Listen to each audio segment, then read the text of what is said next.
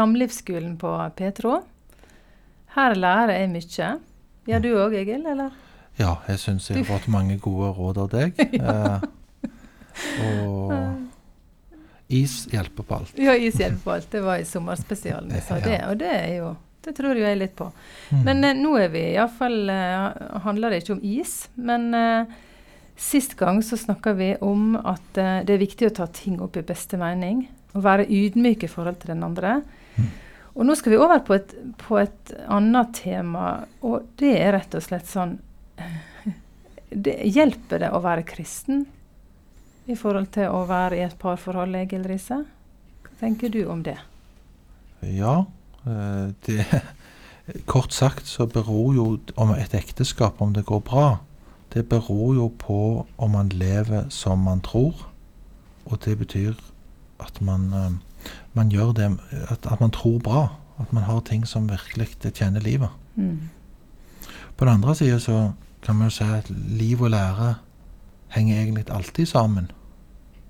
Eh, Mm. For man gjør fort vekk sånn som man egentlig tenker. Ikke nødvendigvis sånn som man snakker, men man gjør sånn som man tenker. Ja. Og det er det som gjør at uh, Gottmann og forskerne, som har jobba med dette i 40 år, kan eh, ved å observere fire minutter av en vanskelig problemsamtale mellom et par, forutse om de er sammen om seks år. Mm. Fordi man gjør som man tror. Ja. Det er jo rett og slett et uh, bibelvers òg. I ordspråket står det et vers om at mm -hmm. slik mannen tenker, sånn er han. Ja, Sånn han tenker i sitt hjerte. Ja. Ja. Det er nok sånn det er. Mm. ja. Men er det positivt, da? Ja, jeg tenker at eh, det beror jo hva den kristne troen innebærer. Mm. Kan man, kan man definere som Hva man sier når man sier man er kristen? Det er liksom ikke helt gitt hva det er. Men hvis man kommer an på hva man sier. Men jeg kan tenke at det å være ta veldig på alvor at man eh, skal være sammen, og at man tar, eh, gir hverandre løfter, at man tar beslutninger, at man lukker dørene bak seg, og tenker at dette det skal være oss alltid. Mm. Det kjennetegner par som lever lenge sammen. eh, at det er en god ting hos mange at man har tatt tydelige valg i lag, og at man har hatt kontakt når valgene ble tatt, Mm. og at de er litt bevisste, at de har samarbeidet om de valgene. Eh, høye forventninger. Noen tror det er dårlig. Nei, høye forventninger er bra. Det viser at de som har høye forventninger, ofte gir mer. De gjør mer for at det skal bli sånn, enn de som har lave forventninger. De med lave forventninger er ofte mer passive i forholdet. De med høye, de, de gjør mer for at det skal gå bra. Så det å ha et sånn positivt syn på samliv, at det er viktig, og at man vil det, og at man vil kjempe for det, Mm. eh, og at det skal vare, det er bra. Ja, for noen har jo et, ja, det å ha et aktivt forhold til de valgene, som du sier. Noen kan kanskje si at eh, nei, eh, vi er jo i lag nå, så får vi se hvor lenge det varer. Den, akkurat den holdninga jeg har hørt, og, og kan kanskje tenke at da er det da er det kanskje en lettere vei ut og bak. Man kan forstå at folk vil avveie litt om det er et godt valg å være sammen. På den andre sida så må man være opptatt av om det legger seg inn en liten betingelse da i kjærligheten. Mm. Om man liksom Jeg vil være med deg hvis, så lenge jeg får positivt utbytte. Ellers vil jeg se meg om etter alternativer. Og Nettopp dette viser jo forskningen at eh, parforhold, eller mennesker i parforhold som er åpne for alternativer, oftere ender opp med bedrag og svik mm. i forholdet. Det er ikke et synspunkt, det, det er bare et tall. Det, Ja. det er et fakta. Så det å det hjelper deg å holde fokus på oppgaven og den andre, og ikke koble deg fra i vanskeligheter. Mm. Se etter alternativer. Hvis du er avklart på at du vil være her. Men du vet, troer har jo òg Kan være på en annen måte enn bare liksom denne beslutningen. For det kunne jo jeg Det er ikke sikkert det er sant, men det er en slags tilleggelse.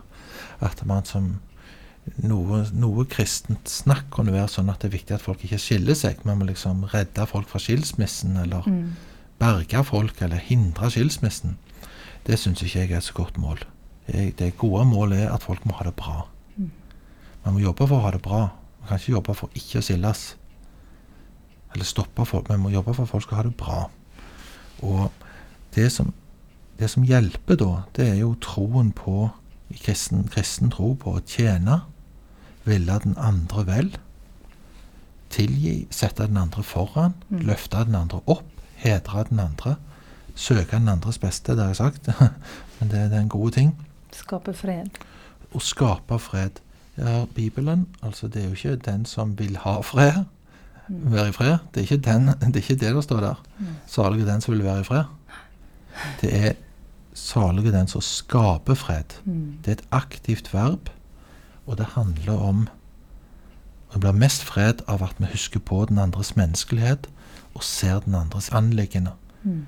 Det er viktig i alt fredsarbeid, internasjonalt, i møte med barn, i møte med ektefeller. Hvis troen er sånn, å sette seg i den andres sted og spørre sånne ting som Hva er det du trenger? Hva vil du at jeg skal gjøre for deg? Mm. Man møter den andre med spørsmål. Da hjelper det. Man kan jo tenke at noen kristne miljøer er veldig positive til familielivet. Og legger til rette for samvær med unger og voksne.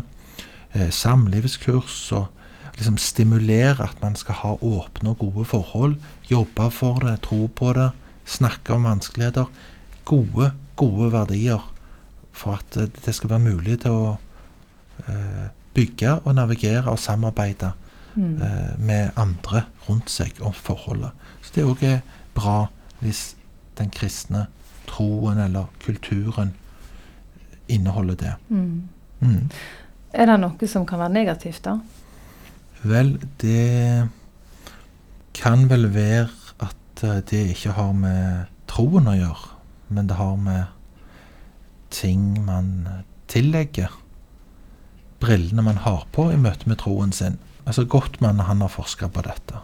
Så er det jo litt synd å si, men det er akkurat som blant mange, mange, mange spørsmål, så er det akkurat som man må svare på et lite spørsmål om går du fast i menighet, synagoge eller moské. Mm. Det er veldig interessant at forskeren har Er det fordi han er negativ til samliv?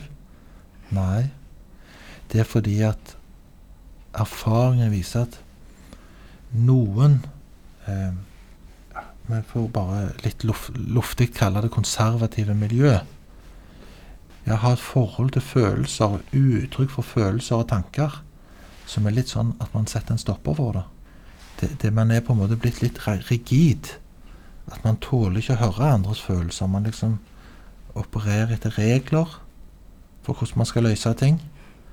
Og det fører mer til avstand og ensomhet hvis man anvender den måten å tenke inn i et samliv på.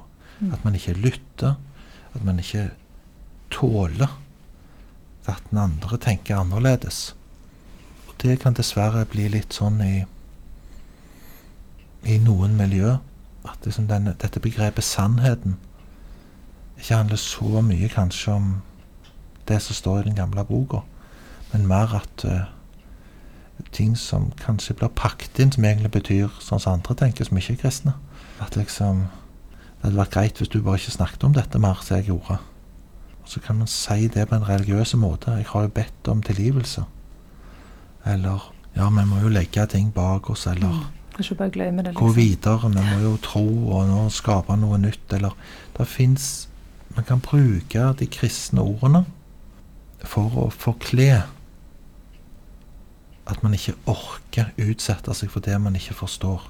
Man kan bruke kristne vendinger for å forkle at man ikke orker å tjene den andre og sette den andre først. Eh, Så unngåelse er jo en teori som er identifiserbare for forskerne. Eh, unngåelsen f.eks. av tristhet, redsel og sinne. Det er I noen kristne miljøer så er man redd det. Man vil helst unngå det. Man tror det kan bli til noe som ikke er bra. På samme måte som ja, Kanskje ennå, det vet ikke jeg, men tidligere så var det litt sånn man skulle ikke skryte for mye av jenter, for de kunne bli stolte, eller bli ut for et utsvevende liv hvis man skrøt for mye av at de var fine, eller tror at det kan ta av. Mm. Hvis noen er triste, så kan de bli deprimerte. Vi må ikke oppmuntre det. Hvis noen er redde, så kan de få angst. Vi må ikke oppmuntre det. At vi er litt redd for sterke følelser, og at vi er litt redd for tanker. Og det fører til at man blir nedmuntret Mm. fra å snakke om det i parforholdet. Og for å ha fred da, så lar man være å snakke, men man betaler med avstand og ensomhet. Mm. Og så kommer det ofte opp et stykke ute i parforholdet. Det er da noen sier 'Jeg fatter ikke Altså, de, liksom. Gikk de ifra hverandre? Mm. Det blir helt uforståelig for andre at de gikk ifra hverandre. Men det er oftest at vennskapet har forvitra. For det er ting man ikke har snakket om. Eh, ja. Ja. Du er rett og slett eh, heia på det å snakke om vanskelige ting, du. Om det er sånn eller sånn. Snakke om vanskelige ting. Men jeg heier òg på det å være opptatt av å ikke bare har regler og ordninger, og du tar det arbeidet, og du Mm. tar det arbeidet, og så har vi oppgavefordeling med unger og ute og hjemme. Jeg heier på at det å vanne det gode Bygge vennskap. bygge vennskap, det er veldig bra. Og så en ting til. Gottmann han sier det. At en mann som snakker med kona si 20 minutter hver dag og lurer på hvordan hun har det, i ti av dem, han har et bedre samliv og en bedre familie enn en som følger opp ungene på trening.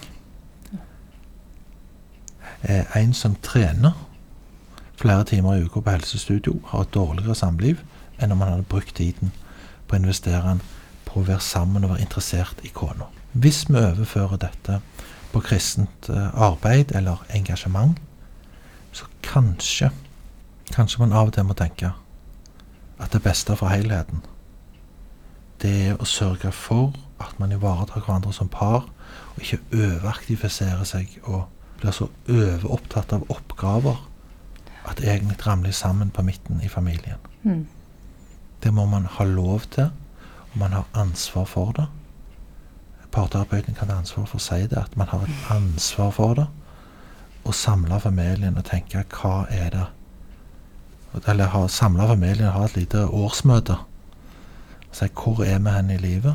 Hva er det vi trenger å fokusere på for at vi skal ha det varig bra? Jeg hørte blitt sagt at det viktigste for ungene det er å se at eh, foreldre elsker hverandre. Det Viktigste gaven en kan gi. Det er Det er jo litt det du sier. Det er sant. Og så er det òg sånn at når alt kommer til alt, så behandler man nok Møter man følelser hos ektefellen og ungene ofte nokså likt. Du blir en bedre far av å være en bedre ektemann. Mm. Nå kan mange tenke nei. Forskningen viser at du blir bedre far av å være en bedre ektemann.